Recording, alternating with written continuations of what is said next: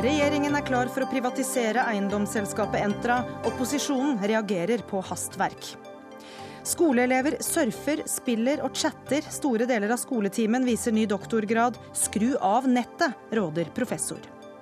Medieselskapet med Dagsavisen og Vårt Land varsler omfattende kutt før regjeringen kanskje kutter i pressestøtten. Et PR-stunt som minner om utpressing, mener nettavisredaktør.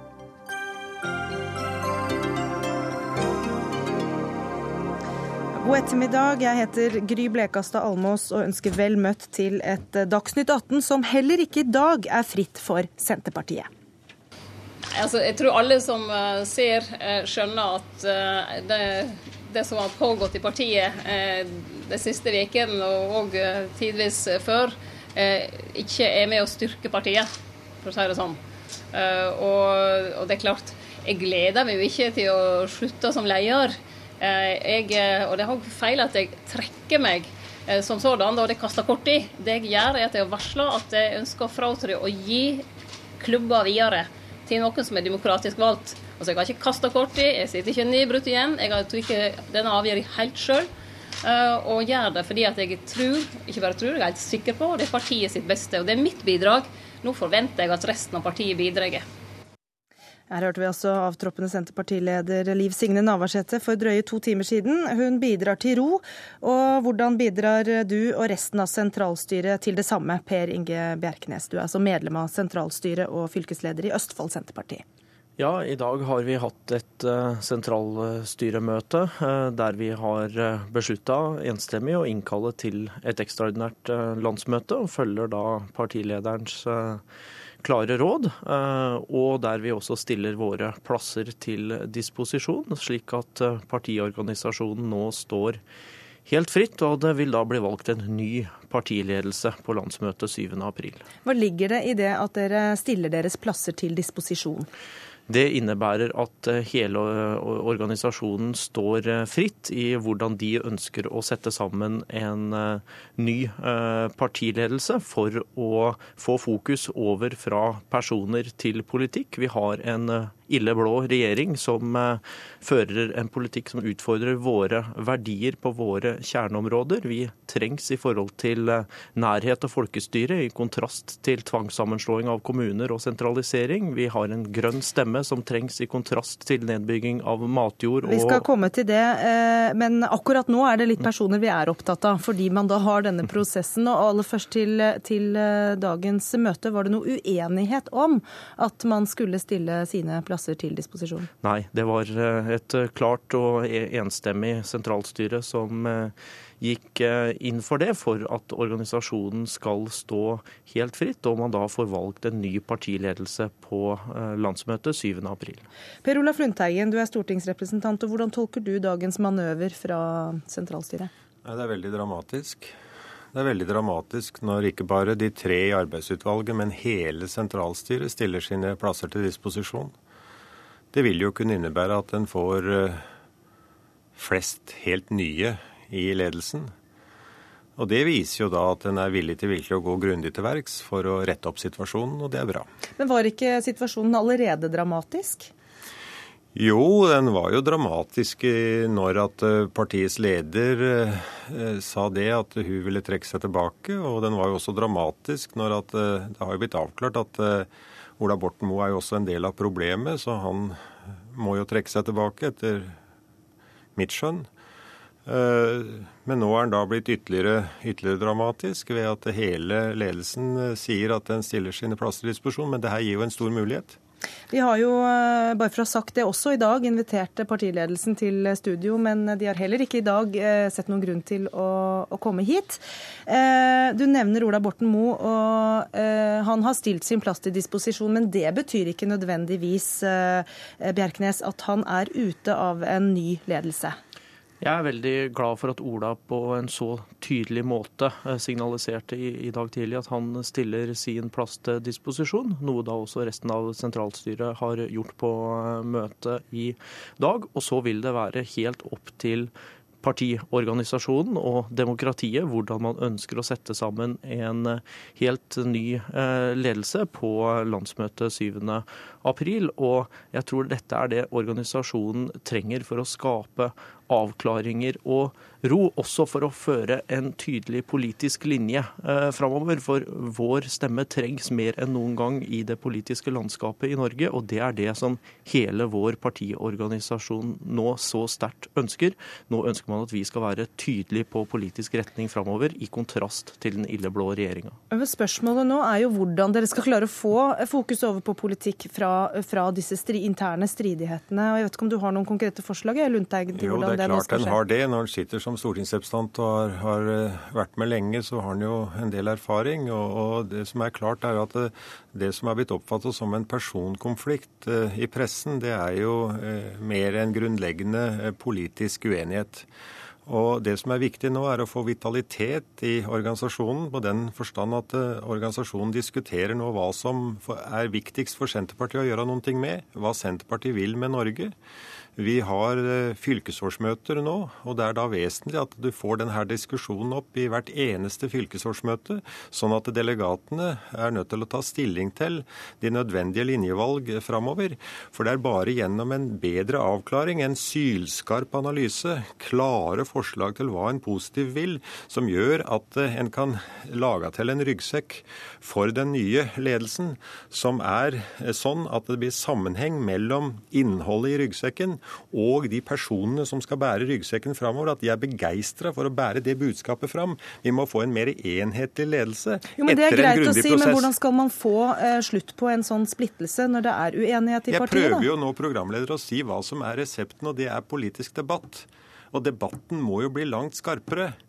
Og Det er da vesentlig at vi vitaliserer organisasjonen med klare stemmer, klare forslag til hva som er viktigst, og så uh, tar det her opp på de foraene som vi har, og får en avklaring. Og det skal ha sitt endepunkt da i et landsmøte.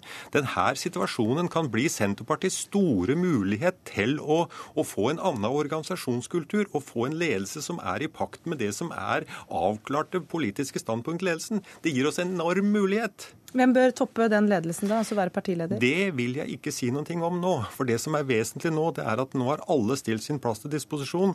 Og veldig mange sier at eh, det var personproblemer og politiske problemer mellom Liv Signe Navarsete og Ola Borten Moe. Begge de to bør tre tilbake, sånn at de ikke har det å dra med seg videre. Og så må man få en ledelse som er kompetent i forhold til det som da er den eh, ryggsekken som skal bæres på. Og det krever altså en mange egenskaper. Det krever glimt i øyet, men det krever en politisk fasthet i diskusjonene, som er nok det viktigste. Bjerknes eh, peker Lundteigen her på den rette medisinen for partiet? Jeg mener at det politiske må være det sentrale i diskusjonene videre. Vi trenger eh, å være et tydelig parti som sier ja til folkestyre og nærhet. men, men hvem, hvem har den tydeligheten da, av ja. disse navnene man, man har på, på, bordet nå, som potensielle nye ledere av partiet? Ja, Det er, det er disse standpunktene i, i, forhold til både folkestyre, i forhold til EØS- og EU-tilpasning og i forhold til det grønne, som vil være målestokken i forhold til en fremtidig ledelse. Og så eh, vil det være opp til partidemokratiet nå. Så er jeg glad for at en så sterk politiker som Marit Arnstad er inne i diskusjonen diskusjonen i forhold til sammensetningen av en eh, fremtidig ledelse. Jeg tror veldig mange i partiet mener at hun er en av de som kan både skape ro og gjøre Senterpartiet til et enda tydeligere parti for å styrke oss fram mot eh, valgene i 2015 og 2017. Og så vil det nå være partidemokratiet, fylkeslagene og en valgkomité som til syvende og sist vil sette sammen et, eh, en ledelse, en ny ledelse som skal velges på, på landsmøtet, som kan styrke oss i tida som kommer. Det som er sentralt nå, er at Senterpartiet framstår som det jordnære grønne partiet. Det er grønnfarven som er vår parole. Vi var en del av den rød-grønne regjeringa. Vi var det grønne partiet sammen med to røde partier. Og vi må gi da den grønne alternativet i norsk politikk. Et klart innhold. Det er det som er utfordringen. Og vi skal snakke grønt alternativ, vi skal ikke snakke sentrum. For det at sentrum det er mellom høyre og venstre på en linje. Senterpartiets plassering det er det grønne kontra det røde kontra det blå. Det er en trekant. Og det er vesentlig å ha med seg i diskusjonen. Du åpnet med å si at du har vært lenge med i, ja. i partiet. Er dette noe av det verste du har sett for Senterpartiets del, eller hvordan vil du karakterisere det dere er gjennom nå? Det som vi er inne i nå, er resultat av en utvikling over lengre tid. Så det er det mest krevende jeg har vært med på. Og det kreves nå en snuoperasjon som en må gå grundig til verks på. Og det er politikken som er punktet vi starter med.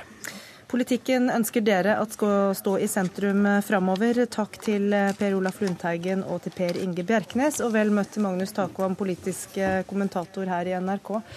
Eh, tror du at Senterpartiet klarer nå å få fokus på politikken med den eh, operasjonen som er gjort i dag? Jeg tror i hvert fall at eh, de utspillene og den offentlige skittentøyvasken eh, nærmest som vi har vært vitne til de siste dagene etter at Navarsete varslet eh, sin avgang, vil roe seg. Eh, og eh, det første skrittet ble jo tatt i dag med å få dette inn i en organisatorisk prosess. Men det er klart at det, det syder og bobler en del i, i Senterpartiet.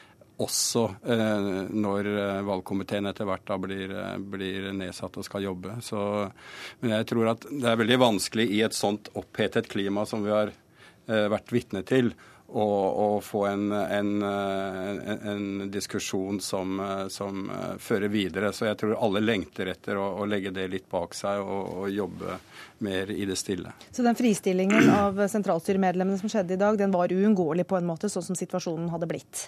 Ja, det vil jeg si. Nå har dette med frist, å, stille sin plass til disposisjon blitt nærmest Det kan oppfattes som et kodeord for å trekke seg og ikke, ikke stille om igjen. Så det har vært litt misforståelser eller litt ulike tolkninger av hva det egentlig innebærer. Ja, For det betyr ikke nødvendigvis det? Nei, altså som vi har registrert, så, så betyr det at Teoretisk så kan hele uh, sentralstyret bli bestående av nye personer. Ingen tror jo det, selvfølgelig. Uh, men det er også flere som da Eh, har varslet at de er interessert i å, å, å, jobbe videre i den posisjonen de har nå. F.eks. Borten Moe og Slagsvold Vedum har jo også sagt at han stiller seg til disposisjon. Men én ting er hva de selv eh, mm. ønsker, en annen ting er hvem som får videre støtte. Og hva tror du? Hvem kommer til å sitte i det nye eh, sentralstyret, og ikke minst da i ledelsen? Nei, så jeg tror nok vi finner eh, eh, toppledelsen Eh, blant eh, de eh, personene som er, er, inne i den offentlige debatten. Og det, det skapte jo en ny dynamikk i går, da Marit Arnstad klargjorde at hun i hvert fall teoretisk kan ta på seg et verv. Ja, Et verv, hva ligger i det, tror du, fra hennes side? Nei, Hun er veldig forsiktig med å bidra til å, å, skal vi si, søke på lederjobben nærmest i Senterpartiet, at hun kan oppfattes slik. Jeg, men jeg, altså, slik hun ordlegger seg, og nå må vi tolke, så, så, utelukker ikke jeg at hun kan ende opp som Senterpartiets leder. Men eh, betingelsen er at partiet veldig sterkt vil eh, be henne om det. At, at hun opplever at det er et, et, massivt ønske i hele Senterpartiet om at hun eventuelt gjør det. Er det, er det flere usikre kort her? En, en ja, altså, Det er jo klart at Ola Borten Moes posisjon uh, i Senterpartiet er, er, uh, er, virvlet så mye støy rundt at det er vanskelig å si, være veldig skråsikker på hvor sterkt eller svakt han står. Mm. Men en situasjon der der Marit Arnstad f.eks. blir sett på som en samlende figur og blir bedt av partiet om å stille i en sånn situasjon, så kan jo hun også påvirke sammensetningen av, av, eh, av ledelsen. Og alle de tre, eh, Trygve Slagsvold Vedum, Marit Arnstad og, og Ola Borten Moe, tror jeg seg imellom eh, ikke ser noen problemer med å, å jobbe sammen. Så der har du ledertrioen, kanskje? Muligens. Men uh, det skal, skal, gjøres en del før det. Og det er klart at en del miljøer som som støttet Liv Signe Navarsete, er nok redd for å bli spilt ut over sidelinja. Så, så det blir spe spenningsmomentet framover. Mer spenning altså. Takk skal du ha, Magnus Takvam.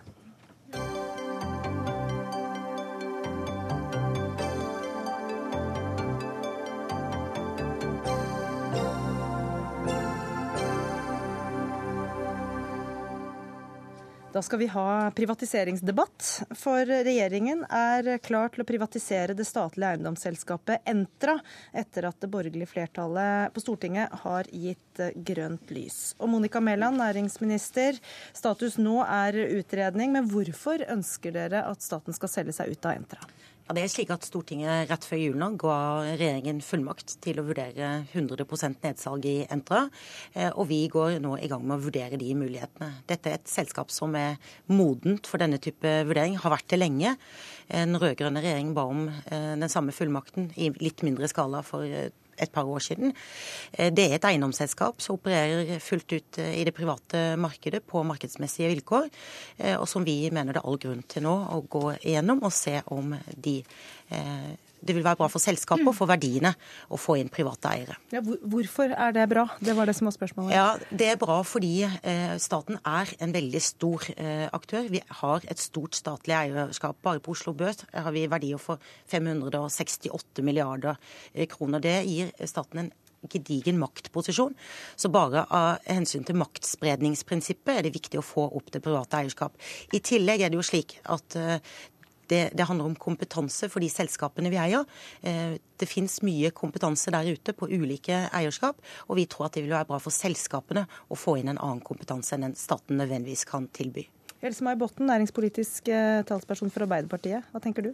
Ja, jeg tenker jo at dette er regjeringas januarsalg. Her har man hasta seg av gårde for å få selge Entra og Mesta som egentlig er satt på dagsordenen. Nå snakka man om Entra, men også Mesta var tatt med den eh, stortingsbehandlinga som var før jul. Som også er et uh, samferdselsveiselskap? Ikke sant? Ja, ikke sant? som også er 100 statlig eid. Eh, og eh, her skal man da selge ut uten å ha noe slags, hel, noe slags, debatt i forhold til hvilke konsekvenser det her vil ha. Hvilken prosess er det man skal kjøre? Hvorfor? Altså, jeg syns argumentasjonen også er veldig tynn. Eh, og jeg føler at eh, man kanskje ikke ønsker å komme til Stortinget for å ta den debatten, fordi at man bare har fått fullmakt fra flertallet. Og så gjør man grep uten å på en måte ha dialogen til Stortinget. Men Vi hørte jo også at også den rød-grønne regjeringen har bedt om en utredning av det, ikke helt det samme, for dere ville beholde 24% i statlig eierskap. Men, eh, men hva er så galt med at de gjør en tilsvarende utredning? Ja, altså det, det, er to vidt forskjellige ting å selge ned og selge ut. Eh, og her er jo ikke snakk om at eh, man har tatt en runde på hva konsekvenser det her vil ha. Man sier nå at man skal selge, og så skal man kanskje gjøre det i etterkant. Debatten på Stortinget har i hvert fall uteblitt i forhold til det. Det er en veldig pussig argumentasjon. For det første så har jo Stortinget tatt den debatten i forbindelse med den eierskapsmeldingen som Bottens regjering la frem, eh, og hvor man sier sitat, det foreligger ikke særskilte grunner til at staten bør være en langsiktig eier av selskapet. Den vurderingen er også gjort. Og så er spørsmålet hvor mye og hvor lite skal man eie. Det skal vi komme tilbake til. Det er heller ikke slik at vi har hastverk. Vi har fått en fullmakt, den fikk vi før jul. Nå går vi inn i en prosess og ser eh, om og på hvilken måte eh, det vil eh, gagne selskapet å privatisere. Og Da skal vi bruke den tiden som eh, trengs. Vi skal gjøre det på en ordentlig og klok måte. Det er store verdier. Dette er et stort selskap. Forvalter 115 eiendommer i Norge. 1,2 millioner kvadratmeter. Bare for å ta det, Hvilke eiendommer snakker vi om, hvis du kan gi noen eksempler? sånn at folk kan... Vi, vi snakker om store kontorlokaler, hovedsakelig plassert i de store norske byene.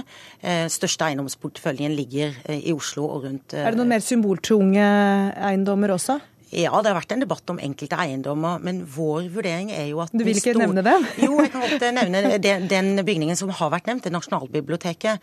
Men der foreligger en, en kjøpsopsjon for staten, slik at det kan ivaretas helt uavhengig i denne prosessen. Når det gjelder den store gjennomgangen av eiendomsporteføljen til Entra, så er det slik at den ble foretatt i 2000. Da la man inn de eiendommene man mente burde være statlig, på statlige hender, i Statsbygg, og så skilte man ut Entra. Og Entra øh, opererer fullt ut i et konkurranseutsatt marked på markedsmessige vilkår. Samtidig så er det slik at 80% av aktørene er offentlige leietagere, så det er solide leietagere. Eh, og Derfor er det òg et veldig solid selskap. Ja, er ikke dette ryddig, da? Eh, jo da, men du må også huske på det at eh, det er skreddersydde bygninger, som eh, var nevnt her i stad. Det, det, er ikke bare enkle kontorlokaler, det er veldig mange ulike bygninger. og jeg synes Det er rart at man ikke har en runde i forkant på å se hvilke konsekvenser det vil ha for det offentlige å leie dem her i et annet, fra et annet selskap, når 69% er eh, er i, altså, leid av kommune og fylke, så er det, det store summer vi snakker om her. Hvilke konsekvenser frykter du? Nei, altså Jeg frykter, altså jeg tenker i hvert fall i forhold til det økonomiske perspektivet. Hva, hva, blir, hva er best for, eh, for, det offentlige totalt sett? Hvis du ser sånn som vi har det i dag, kontra ei eventuelt eh, utsalg. Hvilke leieavtaler vil man få? Eh, og, og, noen bygninger som er skreddersydd, kan jo heller ikke altså Det er en krevende øvelse å bare selge det ut. Men her tror jeg man må sette seg inn i hva som er situasjonen. Det offentlige er leietaker en rekke av byggene, men de leier på forretningsmessige vilkår. Ja. Og Bottens parti har selv sagt at det ikke er noen gode grunner for at staten skal være eier i dette eh, selskapet med et langsiktig perspektiv. Eh, så vet jeg at den forrige regjering hadde noen runder internt på, på, ulike bygg. Vår vurdering er at de byggene som eh, må spesielt unntas, er ivaretatt gjennom leieavtaler, veldig langsiktige og til dels evigvarende leieavtaler, og til dels gjennom kjøpsopsjoner. Nå sitter eh, Steinar Medios, som er økonomikommentator i NRK, og lytter til det dere sier. Hva tenker du at et nedsalg av Entra innebærer? Altså det innebærer at man vurderer å selge ut indrefileten av det staten eier. Og det er ikke så veldig stor forskjell på den rød-grønne regjeringen og den blå-blå regjeringen på dette. Det er noen prosenter. De ene vil selge ned til 24 og de andre vil selge helt ut. Jeg syns vel egentlig at uh, man må spørre seg hvorfor går man på børs? Hvorfor vil man selge? Jeg skjønner at et land som Hellas selger sine statlige eiendommer fordi landet er konk. Eh, når man går på børs, så er det vanligvis fordi man har en god idé, men mangler penger. Den norske stat mangler ikke penger for å holde eh, ved like sine egne eiendommer. Men vi hørte jo en mer idealistisk begrunnelse i dette med maktspredning fra Monica Mæland her. Ja, jeg skjønner at, eh, at, eh, at, man da mener at det er bedre at, at statens eiendommer eies av børsen. Eh, det, det, er for meg ubegripelig, fordi jeg vil si at jeg syns statens eiendommer er på en måte hjemmet for den statlige virksomhet. Det er en del av den statlige infrastruktur. Og statens infrastruktur, det er våre kraftverk, det er våre naturressurser, det er våre veier og alt sammen. Men det er klart, det er noen problemer her. Og jeg ser det at når Entra med statens finansielle tyngde begynner å leke eiendomsforvalter i konkurranse med de private, da oppstår det en skjevhet som man må rette opp i. Og Det tror jeg det er viktig at noen tar en gjennomgang i. Og det er nødvendig av og til å se hva skal staten eie. Men da er det ikke nødvendig nødvendigvis å selge ut? Da er det å se på hva slags virksomhet ja, det, det Jeg syns det er meningsløst hvis man skulle ende opp med å f.eks at man skal ha eh, Nasjonalbibliotek eller Rikshospitalet og Nationaltheatret og Universitetsbygget på børsen, og så leie det tilbake for statlig virksomhet, det tror jeg ikke mange ville forstå. altså. Hva sier du, Monica Mæland? Nei, litt sånn For det første så er det ikke bestemt at Entra skal på børs. Nå skal vi gå inn og se på hvilken prosess som gagner selskapet og gagner de verdiene vi forvalter på vegne av det norske folk. For det andre så er det ingen forskjell på leieavtalen eh, offentlige virksomheter har med Entra og med andre aktører i markedet. Veldig mange kommuner, fylkeskommuner og staten eier også hos private. Det er ingen forskjell på dette. Man opererer fullt ut i konkurranse med private. Så for den enkelte leietaker vil ikke dette bety noe. Men det vil være sunt med en gjennomgang. og et stort flertall på Stortinget har altså ment dette i flere år. Vi gjør nå noe med det. Ja, Botten? Ja, jeg vil jo bare utfordre Monica Mæland på hvilken prosess hun kommer til å kjøre i forhold til det her framover. Eh, og ikke minst hvordan Eh, Stortinget vil bli inkludert i den debatten. For jeg syns det er et viktig spørsmål som både opposisjon og posisjon må være med å kunne ha en eh, saklig debatt i Stortinget om. Da har vi omtrent eh, nøyaktig 30 sekunder til å oppklare det. Hva slags prosess Jeg at Stortinget har tatt debatten. Nå skal vi ta debatten sammen med Men selskapet. Men hvilken prosess videre nå, var det vel hun lurte på? Ja, Vi går nå i prosess med selskapet og gjør de vurderinger som er bra for selskapet og for de verdier som staten forvalter. Når det gjelder Stortinget, så har de tatt den debatten. Så det blir ikke noe mer prosess som du blir involvert i? jeg håper i hvert fall for min del at ikke det utløser store bonuser for ledelsen ved at man går på børs med statens eiendommer. For det ville virkelig vært interessant å se på. Det sa altså Steinar Medios, som er økonomikommentator i NRK. Vi takker også Else May Botten, næringspolitisk talsperson i Arbeiderpartiet, og Monica Mæland, som er næringsminister.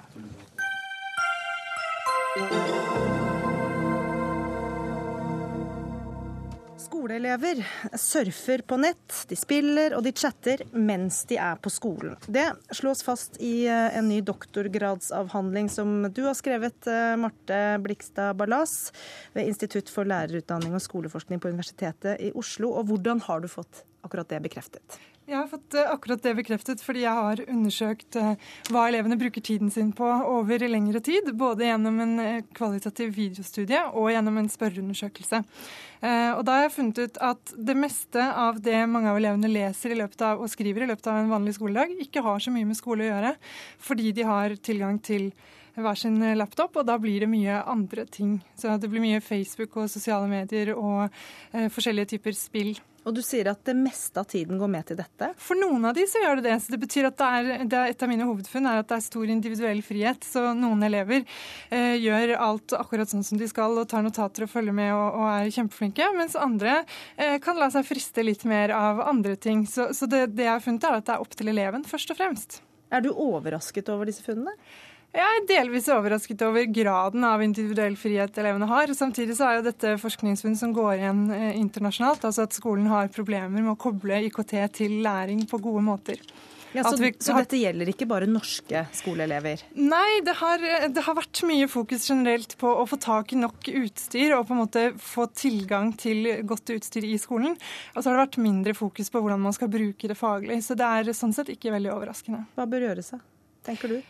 Det er jo mye som bør gjøres, men jeg tenker at eh, jeg er i hvert fall veldig uenig med alle de som mener at man bare skal kutte ut eh, IKT og PC-er fra skolen totalt. Fordi jeg tenker at vi har, og det slås fast i Kunnskapsløftet også, at vi har et ansvar for å lære elevene våre god digital kompetanse. Og det er masse gode verktøy. Det er jeg sikker på at det er flere andre her som kan si noe om også. Vi skal ta inn masse... en av de andre. Lars Vavik, du er professor i IKT og læring ved Høgskolen i Stord Haugesund, og du sitter i et studio i Haugesund og kan kan fortelle oss hva du syns man bør gjøre med denne situasjonen?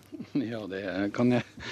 Jeg først få lov til å si at eh, vi har også en tilsvarende undersøkelse som eh, Marte har eh, gjort. Med de samme kanskje... funnene? Ja, med de samme funnene. Våre er kanskje mer større på det kvantitative området, hvor vi har sammenlignet både Norge og Finland. Vi har 4000 elevsvar.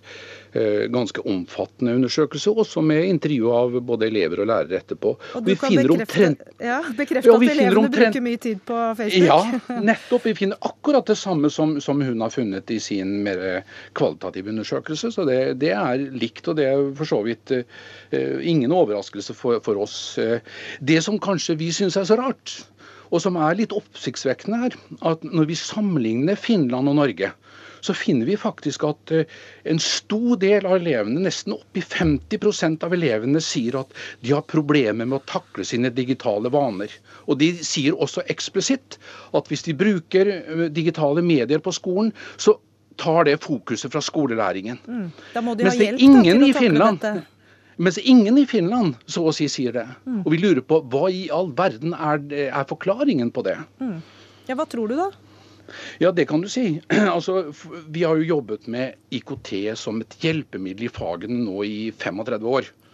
Og, og, det har ikke vært noen problemer. Og vi vet at IKT er et godt hjelpemiddel innenfor fagene. Men for ti år siden så skjedde det følgende. Da ble IKT opphøyd til å være den femte kompetansen, ved siden av å lese og skrive. Og du skulle være digital hver dag i alle fag. Og det skapa uro, sånn som jeg ser det. For da, da blir lærerne opptatt Ja, jøss, jeg, jeg, jeg, lærer de å lese, jeg lærer de å skrive, jeg regner med de, og nå må jeg også bruke IKT. Og denne, denne diffusiteten om hvordan IKT skulle brukes, har skapt et problem. Derfor sitter skolene med åpen tilgang på nettet. Og, og vi har fått et problem. Ja, Hva er løsningen på det problemet, sånn som du ser ja, det? Ja, ja, det kan du si. Altså, hva, hva er, jeg skal iallfall ikke komme ut og si at IKT skal takes ut. Altså, Jeg ser at lærerne er profesjonelle yrkesutøvere. Og de vet selv når de sitter med ulike verktøy. For når vi spør de lærerne som har veldig gode resultater i sin klasse, hvordan de, de, hva er årsaken til det, så sier de først jo, jeg har god kompetanse innenfor faget mitt. Jeg er flink til å inspirere elevene. Og så bruker jeg et, mange forskjellige verktøy. Så IKT-verktøy er en del av helheten. Så jeg tror mer på altså fagdidaktisk kompetanse hvor IKT og analog, altså analoge og digitale verktøy de, de brukes om en annen. Og vi kan ikke gå ut med noen regler verken fra IKT-senteret eller å si at sånn skal det brukes. Men ville det være en mulighet å bare stenge tilgangen til internett f.eks.? At man kan bruke verktøyene, men ikke jobbe på nett? Det er fullt mulig, og det, det, er det jeg ser i, Finland i stor grad. Særlig i matematikk, realfag osv. At de, de har, bruker spesifikke eh, IKT-verktøy altså som er et hjelpemiddel i faget. De har ikke åpen tilgang til nettet. Men vi kan også oppleve eh, at i samfunnsfag f.eks. at det er behov for å ha tilgang til nettet. Men dette er det lærerne som må bestemme. Mm. Det er de som er profesjonelle her. Vi kan ikke overprøve de. Og når de sier at 'jeg har kontroll på undervisningen min', jeg vet hva elevene gjør, og jeg oppnår en merverdi med å bruke det, så, så sier vi ja til det.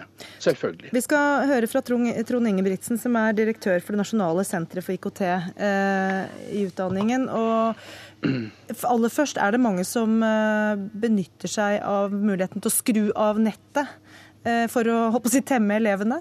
Det, det, har vi ikke noe tall på. Men jeg, men jeg tenker at vi i 2014, hvor vi lever i et teknologi intensivt samfunn hvor vi snakker om digitalisering, at skolen må henge med. Og det å kaste teknologien ut, skru av teknologien, jeg tror vi er på ville veier. Men er vi ikke også på ville veier når elevene er på Facebook når de heller skulle øh, jobbe med fag? Jo, det, det kan du si. Uh, og elever har kanskje alltid opp gjennom tidene ikke vært på hele tiden. Nå ser vi at det blir veldig synlig, og vi ser også at de digitale fristelsene er større.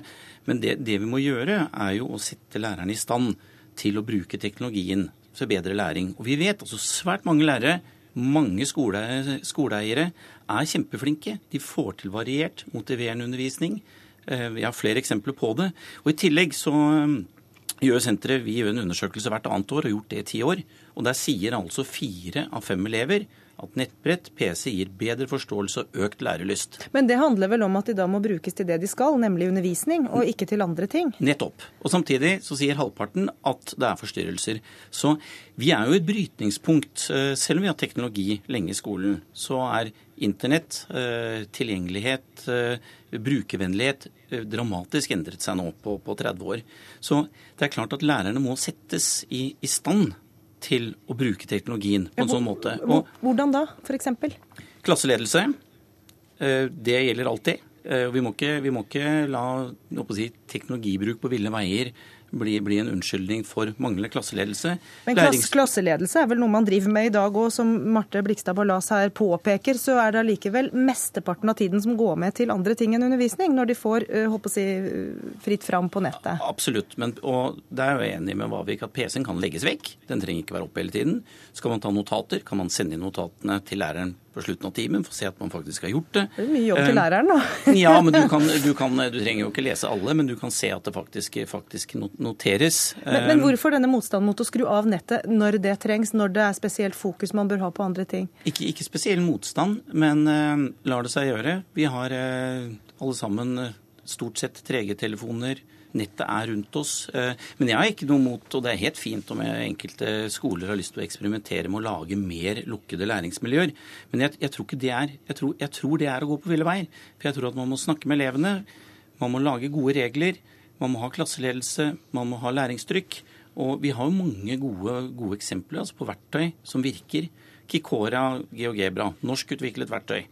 50 eh, 000 elever har brukt verktøyet. Lærer kan sitte og se hvor mange oppgaver den enkelte elev eh, løser. Gå ned og hjelpe den som står fast. Stoppe, stoppe oppgaveløsningen og ser hele, hele klassen stå fast. Men sånne verktøy koster gjerne penger, og er det det skolene skal bruke sine eh, som regel ganske knappe ressurser på?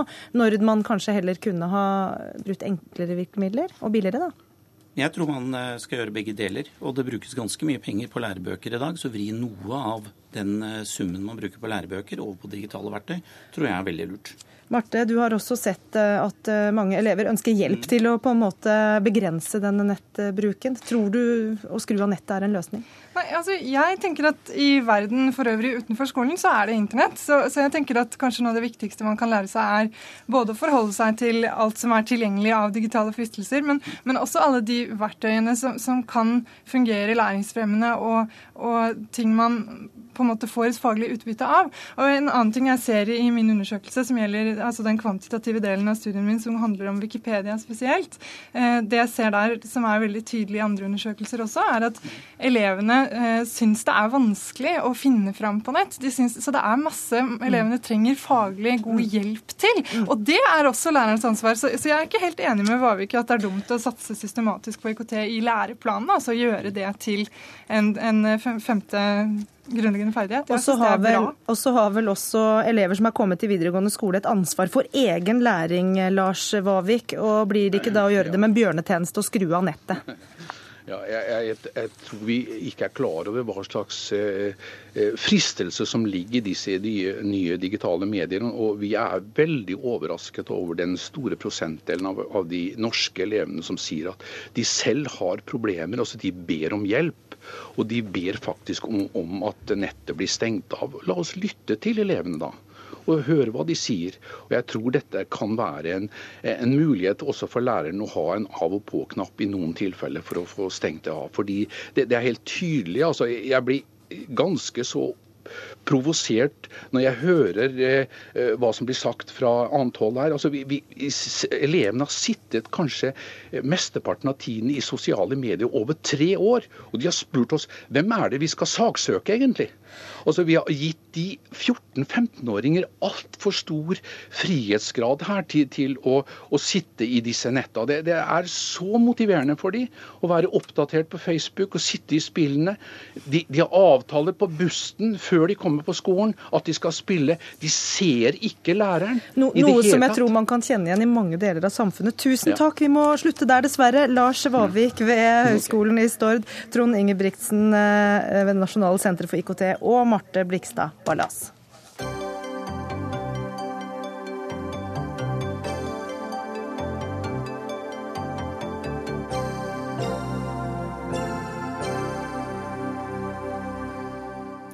For første gang siden Mohammed Mursi ble avsatt som president eh, i juli, gikk egypterne i dag til stemmeurnene for å stemme over ny grunnlov. Grunnlov heter det. 200 000 mann er mobilisert for å holde ro og orden, men eh, i dag morges gikk det av en eh, bombe. Korrespondent Sigurd Falkenberg Mikkelsen, hvordan har den preget denne valgdagen? Den satte jo tonen på et vis, eh, og viste jo at dette er en, det er en utsatt situasjon Egypt befinner seg i. og Det har vært uro rundt om eh, i landet også. Eh, de siste tallene jeg så fra Helsedepartementet var at ti mennesker er drept i uro knyttet til denne avstemningen. Men selve den bomben i Kairo den såret ingen, den gikk av tidlig. og Jeg var der og så at det var en del ødeleggelser på noen av byggene rundt, og sånne ting, men det var ikke en, var ikke en stor bombe. Nå er vi jo blitt vant til å høre om uro fra fra, Egypt. Men hvordan vil du sammenligne stemningen ved dette grunnlovsvalget sammenlignet med de foregående? Dette er noe helt annet enn eh, det jeg har vært med på tidligere. Jeg tror jeg mistet tellingen på hvor mange valgrunder jeg har, vært, eh, har dekket her nede de siste to og et halvt årene. Eh, men denne gangen så er det ikke noe debatt i valgkøene slik det har vært. Det er ikke mulig å finne noen som vil si at de stemmer nei til Grunnloven. Og jeg tror det er både fordi det ikke er så mange, og at de som er der kanskje er redde for å si de stemmer nei, og at veldig mange velger i stedet bare å holde seg unna. Hvorfor er det ikke så mange motstandere?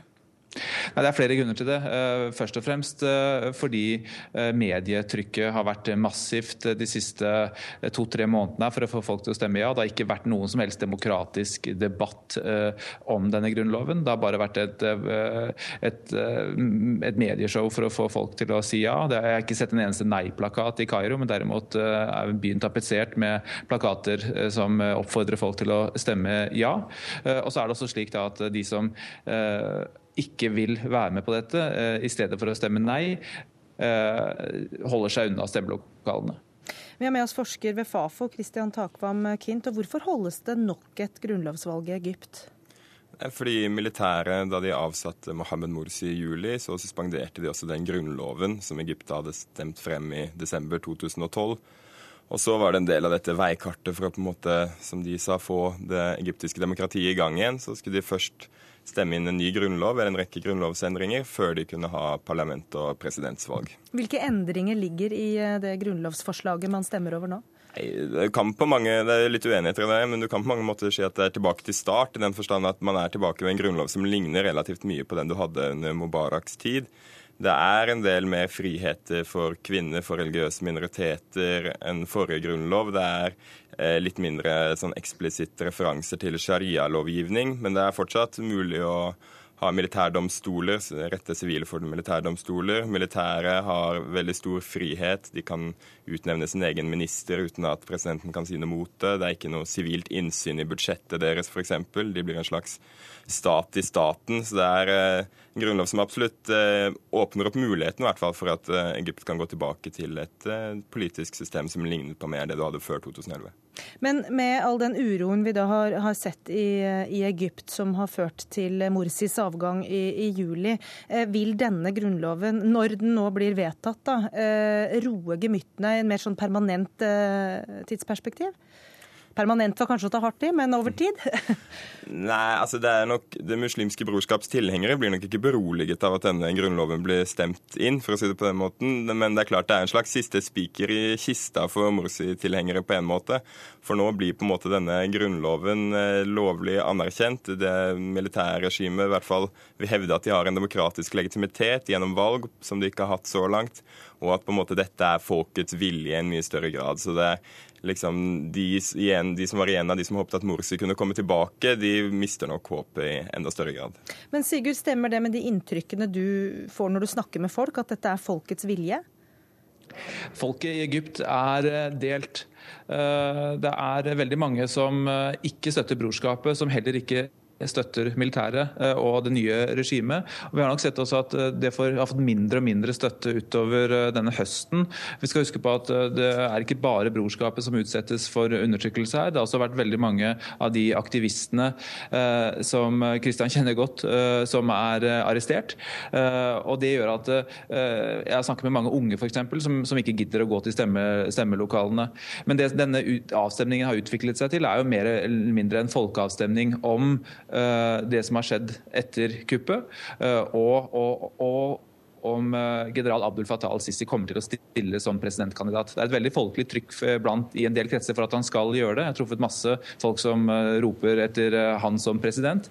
Han vil kanskje vurdere litt hvor mye oppmøte det er før han, før han annonserer sitt kandidatur, men de aller fleste her i Egypt regner med at han vil bli landets neste president. Kort, Kristian Takvam Kint, hva tror vi om eh, oppmøtet, også omfanget? Hvor man, oppslutningen, heter det.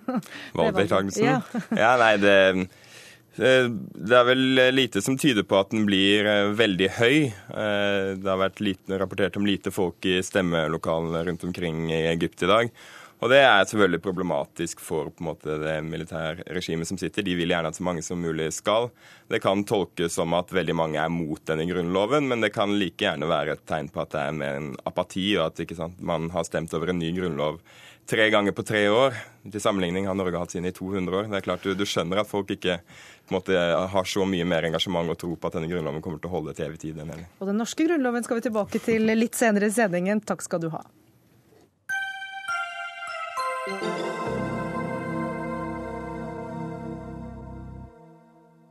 Om eh, pressestøtte nå. Høringsfristen på regjeringens forslag om å kutte i pressestøtten gikk ut i går. Og før regjeringen har konkludert, så varsler konsernsjef Helge Simones i Mentor Media omfattende kutt i arbeidsstokken. Mentor Media eier bl.a. Vårt Land og Dagsavisen. Og Helge Simones, du er den konsernsjefen og redaktøren eh, da i Mentor Medier. Eh, hvorfor varsler dere disse kuttene nå? Eh, det er flere grunner til det. Eh, og grunnleggende usikkerhet om eh, pressepolitikken er én årsak. Men samtidig så er vi i en situasjon der vi er under sterk omstilling. Det er helt nødvendig at vi omstiller medievirksomheten slik som virkeligheten er blitt. Og når vi da får kutt i pressestøtten midt oppi den omstillingstiden, så er det ekstremt krevende. Og det er også slik at når du blir mer usikker på rammevilkårene, så er du nødt til å sikre deg noe høyere eh, dekningsmarginer i den løpende driften. Så det her er det mange grunner til at vi går til dette skrittet. Gunnar Stavrum, du er sjefredaktør i Nettavisen. Du har i dag kalt eh, dette et PR-stunt og skriver at det minner om utpressing. Eh, det er sterke ord? Ja, Det er sterke ord, men det, det jeg mener er at det er ikke tilfeldig at uh, Helge Simones og Mentor Media bare dager etter de har skrevet sin høringsuttalelse, da innkaller til et ekstraordinært styremøte og vedtar uh, og planlegger kutt i, i, staben på over 20 millioner kroner. Det er selvfølgelig for å krisemaksimere betydningen av et vedtak som ennå ikke er fatta. Uh, så det må tolkes der, der også. Men man må vel si fra før et vedtak fattes hvis det skal ha noen effekt? Jo, men det, jeg syns jo at Helge Simones har jo gjennom mange tiår vært eh, kjempeflink til å, til å tale pressestøttemottakernes sak. Eh, det som irriterte meg i dag, det er at mediene som skriver dette, er så utrolig ukritiske at de ikke stiller seg det spørsmålet hvorfor timingen var akkurat i går. Timingen, kommenter den. Om bakgrunnen. Eh, høringsnotatet fra regjeringen, eller fra Kulturdepartementet, det kom i begynnelsen av desember. Og styret i Mentor Medier hadde møte den 12. desember. Og vurderte da om vi skulle eh, komme med forslag til tiltak allerede da. Men det var rett før jul ville være en meget ubehagelig situasjon for eh, de ansatte å få en slik melding rett før jul og vi valgte å vente til rett over nyttår. Men at det da skjer samtidig med høringsfristen, er det helt tilfeldig? da? Situasjonen er følgende at vi i høringsnotatet så står det at, vi, at Mentor Medier skal, eller konsekvensen av det som står i høringsnotatet, er at vi mister 8 millioner kroner fra eh, 1.1.2014. Altså for hver dag som går, så taper vi 30 000 kroner og at eh, Gunnar Stavrum med alt det han mener om pressestøtten, og jeg har vært og diskutert mange ganger med Gunnar Stavrum om dette, at han eh, tolker det på sin måte, det får nå han gjøre. Men, eh, og så vil jeg veldig sterkt understreke at denne gangen er faktisk Gunnar Stavrum og Trygve Hegnar ganske alene i Presse-Norge. Det er en unison oppfatning i Presse-Norge av det regjeringa har holdt på med her. Så jeg syns at han skal moderere seg litt på det, Gunnar Stavrum. Jeg tror vi må korrigere Helge Simenes og si at det er nok stor enighet i Papirpresse-Norge om akkurat dette. Og det er ikke så rart, for de deler på ganske mange penger. Eh, det viktige i denne saken det er at eh, Mentor Media, som eier Vårt Land og Dagsavisen, har gjort seg avhengig av svært høy pressestøtte. Eh, Dagens Næringsliv har regnet ut at det dreier seg om 700 millioner kroner i statlig støtte siden 2005. Så kommer det et lite forslag om å justere pressestøtten noe. Sette et tak på at ingen avis kan få mer enn 40 millioner kroner, og ingen kan ha mer enn 40% av inntektene sine for pressestøtte. Det er et nokså godt forslag for å vri eh, avhengigheten av pressestøtten bort. Eh, og jeg har litt liten sympati for hvilken enorm krise det er å få kutta 7-8 millioner kroner når du mottar nesten 90 millioner kroner. Jeg kan fortelle Helge Simones at Nettavisen har vært gjennom en nedbemanning for noen år siden. hvor Vi kutta halve staben. Det var ingen som gråt i papirpresset Norge den gang og brød seg om demokratiet. Så sorry, det er tøft å nedbemanne, men nå har faktisk tiden kommet. Ja, og nå er det det å bemerke at Jeg har ikke lagt skylda på noen for den nedbemanninga som vi må gjøre. Jeg har bare redegjort for de faktorene som slår inn her. Og eh, det er reelle faktorer som vi er nødt til å forholde oss til. Eh, når eh, Gunnar Stavrum hevder at eh, Amedia, Skipsted og Norsk Journalistlag og Norsk Redaktørforening og Mediebedriftenes Landsforening alle er papirbaserte organer, så viser det virkelig hvor far out han er på i denne bedømminga. Det går ikke i den retninga han har ønska. Det har vært veldig lenge klart hva Gunnar Stavrum har ønska, og at hans nettavis skal få pressestøtte. Han tar ikke betaling i markedet, og dermed er han utelukka for det. Og han lager ei avis som hvis han hadde skulle ha lagt seg på en abonnementsløsning, så måtte han ha laga ei helt annen avis. Og Det er han ganske fortvilt over, og han er fortvilt over at han ikke har fått pressestøtte. OK, men sånn er det. Og så må han forholde seg til det, og han eh, velger angrep eh, i den saken. Det har han gjort i mange år. Du rister på hodet, Saure. Ja, for det er jo helt uh, totalt ut på viddene. Altså, I dag hadde Nettavisen over én million lesere. Nettavisen er vesentlig større enn Vårt Land og, og Dagsavisen til sammen. Men er det ikke derfor disse får får mer pressestøtte, eller får pressestøtte, jo, mens dere ikke får? Jo, men det er det som også demonstrerer hvorfor pressestøtten er så uheldig. Vi holder liv i enkeltaviser som ikke har livets rett, fordi at leserne ikke leser de på papir. De går til helt andre eh, plattformer. Eh, leserne har gått til mobil og til nett for lenge siden. Og Vårt Land og Dagsavisen har sovet i timen. Og det, så kan jeg fortelle Helge Simenes at vi ønsker ikke pressestøtte. Vi har ikke femørepressstøtte. Tvert imot. I fjor betalte vi moms av alle våre inntekter. Nettavisen betalte netto 15 millioner kroner til staten. Helge Simenes og co. fikk nesten 90 millioner kroner. Ja, men Gunnar Stavrum, Det er ikke noe nytt, verken når det har vært papirbasert eller nettbasert, at gratisaviser har kunnet hevde seg i markedet. Men du kan ikke komme bort ifra at det er en helt annen type journalistikk. Sist gang vi diskuterte i Dagsnytt 18, så var det en kollega som tok en skjermdump av Nettavisens førsteside eh, akkurat da vi diskuterte det var ni av ti saker som var så utprega tabloide og ikke gavna samfunnets eh, fremme, at eh, du bør gå i det sjøl og vurdere hva er det slags produkt du leverer ut til dine en million lesere.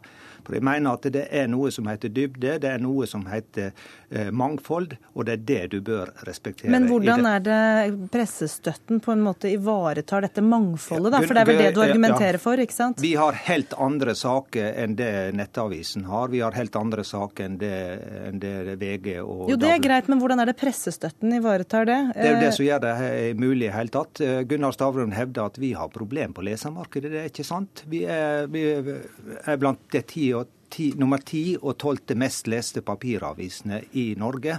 Er det ikke sånn at dere i, i Nettavisen er så avhengig av leserne at de nærmest blir deres eh, altså De driver sensur, på en måte? Dere må skrive det leserne vil ha? Altså, vi eh, må tjene de pengene vi bruker. Eh, det er en ganske grei eh, målsetning for de aller fleste bedrifter i Norge. Når Helge Simnes snakker om hvor bra det greier seg lesemarkedet, så er det fordi at staten, dvs. Si du og meg, gir 2000 kroner per abonnent i Vårt Land og Dagsavisen.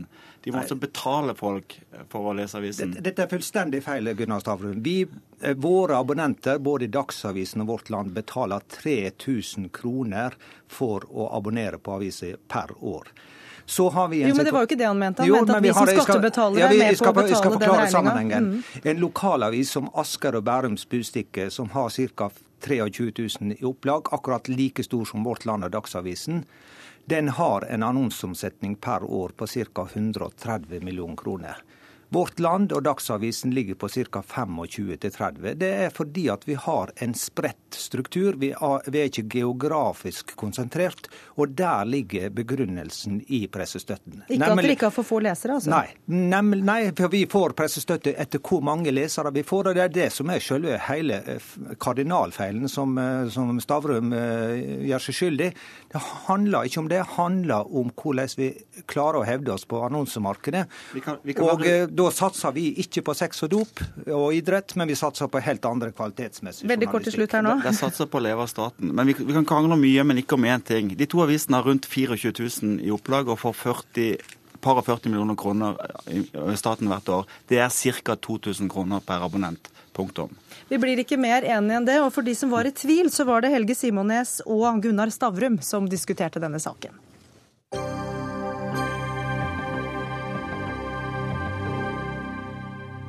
I dag er det nøyaktig 200 år siden Kiel-traktaten ble undertegnet. Avtalen førte Norge ett skritt nærmere en egen grunnlov.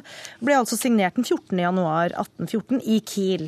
Og Det er også der markeringen av jubileet har funnet sted i dag. Eh, og Der har du vært reporter i NRK, Kjell Pilstrøm. Eh, hvordan eh, har dette toårsjubileet blitt markert? 200-årsjubileet. Ja, dette har blitt markert på en eh, veldig, veldig stor måte. Altså, det har uh, åpnet en jubileumsutstilling i uh, Stadmuseum og Skipsfartsmuseum i uh, Kiel. Og dessuten har vi vært overvært dåpen av en ny fredsplass til minne om denne Kiel-freden.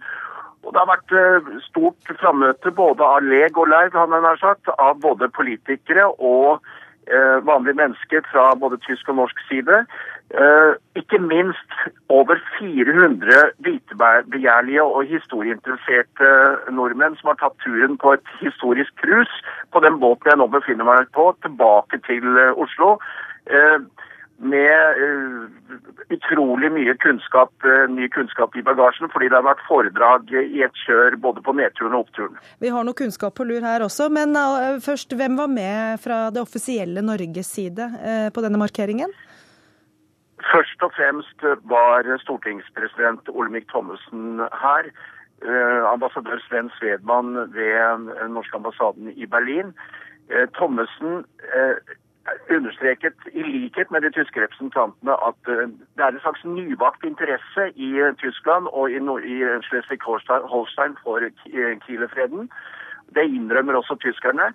Desto mer setter altså da stortingspresidenten, som er eh, jubileum, storting, eh, grunnlovsjubileets høyeste beskytter, hadde nær sagt, formann i hovedkomiteen, han satte stor pris på det tyskerne gjør her. Han sa at eh, det gjorde så stort inntrykk at det var rent varmende å se mm, hvordan de har bygd opp og nå virkelig eh, setter denne Kielefreden i sentrum for interessen i, i denne byen. Vi har historiker Bård Frydenlund med oss eh, i studio. Ikke bare jobber du med grunnlovsjubileet, men i dag leverte du også manus til boka di om spillet om 1814. Gratulerer med det. Jo, takk. Eh, Forklar oss hva denne Kiel-traktaten egentlig gikk ut på. Ja, I det store og det hele så medførte det at eh, Norge, som da var helt klart på en tapende part i de store napoleonskrigene som gikk på den tiden her, sånn, de ble overført fra den danske konge til den svenske konge. Det betydde, i hvert fall slik planen var, at Norge ikke skulle bli en del av Sverige. Man skulle ikke legges som et fylke under Riksdagen, men man skulle bli et eget kongerike. Slik at den svenske kongen fikk to riker å styre over. Så det er det, det, er det, det, er det store bildet. Men eh, var dette godt nytt for Norge på den tiden? Eh, Det var jo et, eh, en tid hvor man hadde sterke forbindelser fortsatt til Danmark og København. Og mange av de forbindelsene der sånn så jo veldig sårt på at man skulle deles og, og bli eh, skilt fra København. Men det fantes jo andre mer eh, nasjonale og separatistiske retninger også i Norge, eh, som så dette som en mulighet for å skape et eget rike. Ja, Og hva skjedde? Det som skjedde, det var at dette ble jo ikke så veldig godt mottatt i Norge. Og da ledet an av kronprinsen i Danmark, prins Christian Fredrik, så satte man i gang et selvstendighets, en selvstendighetsprosjekt, nærmest. Og de som da, eh, Det som på en måte var hovedtemaet der, sånn, det var jo da Egentlig så kunne prinsen ha, ha sagt at han ja, jeg, har, jeg er kronprins, jeg kan ta dette på arveretten og bare si at Norge, da er det mitt. Men han ble da over, overbevist av en del gruppe eh, vise menn som da møttes på Eidsvoll i februar eh, 1814, som sa at dette må du få folket med deg på. Det var på en måte også en, en gjengs oppfatning i, i både rettsvitenskap og statsmannskunst på den samme tiden, at man, kunne, at man burde faktisk konfrontere folket selv om det. Og da ble jo da faktisk Christian Fredrik overbevist om at nå lar vi arveretten gå, og vi satt, setter i gang valgprosesser. Så valg, og da påfølgende riksforsamling på Eidsvoll den 10. april, det ble da resultatet. Som da ble eh, eh, Hvor man da først og fremst laget grunnlov og valgte Christian Fredrik som norsk konge 17. mai. Men han fikk jo ikke lov til å være konge særlig Veldig- lenge. Nei, det gjorde han ikke. Eh, og det, det var jo slik at det var jo en traktat på Kiel som var underskrevet. Og særlig svenskene, som hadde da sine allierte i Russland, Prøysen, Storbritannia og Østerrike. De ville jo eh, markere seg mot dette her sånn. Så de prøvde seg først alene, men så fikk de da med seg stormaktene til å kjøre et press på, på, på eh, Norge. Og det endte jo da ikke så bra. Først så kom det først et, en, nærmest en, en slags FN-delegasjon, hvis vi tenker dette 200 år tilbake, eh, som øvde hardt press på han. Det hjalp ikke. Man prøvde å gå i, gå i eh, en slags kompromissdialog mellom Karl Johan, da, som var da regjeringslederen i Sverige, og, og Christian Fredrik. Det skar seg da sent i, i juli, slik at det ble krig. Og den krigen vant Sverige. Man kom allikevel til en fred, som da vi kjenner som Mossekonvensjonen, 14. Og etter det så gikk man da imot en, et nytt storting, hvor man da skulle godkjenne en union med Sverige. Og da var man på en måte en del av den svenske kongens rike, men allikevel med en stor grad av selvstendighet, som man da opprettholdt den store grunnloven som man gjorde på riksforsamlingen i april på Eidsvoll. Mye dramatikk her. Er dette noe å feire for nordmenn og Norge i dag? Ja, jeg vil si det. Det Resultatet som sådan er jo at vi etter, etter 1814 så har vi hatt 200 år med fredelig samkvem mellom de nordiske stater. På 1700-tallet og særlig 1600-tallet så var dette stater som var i blodig krig med hverandre. Så vi greide i hvert fall noe som da Balkan og andre deler av verden ikke har greid, nemlig å opprette en, en, en fredelig tilstand. Så når det i dag er eh, etablert en fredsplass, øh, i fredens tegn selvfølgelig, da, så er det på sin plass? Ja, jeg syns det. Det eh, sa Bård Frydenlund, som er historiker. Tusen takk for at du var med i eh, Dagsnytt 18. Denne utgaven er nå slutt. Ansvarlig for sendingen var Dag Dørum. Teknisk ansvarlig Finn Lie. Og i studio Gry Blekastad Almås. Takk for nå.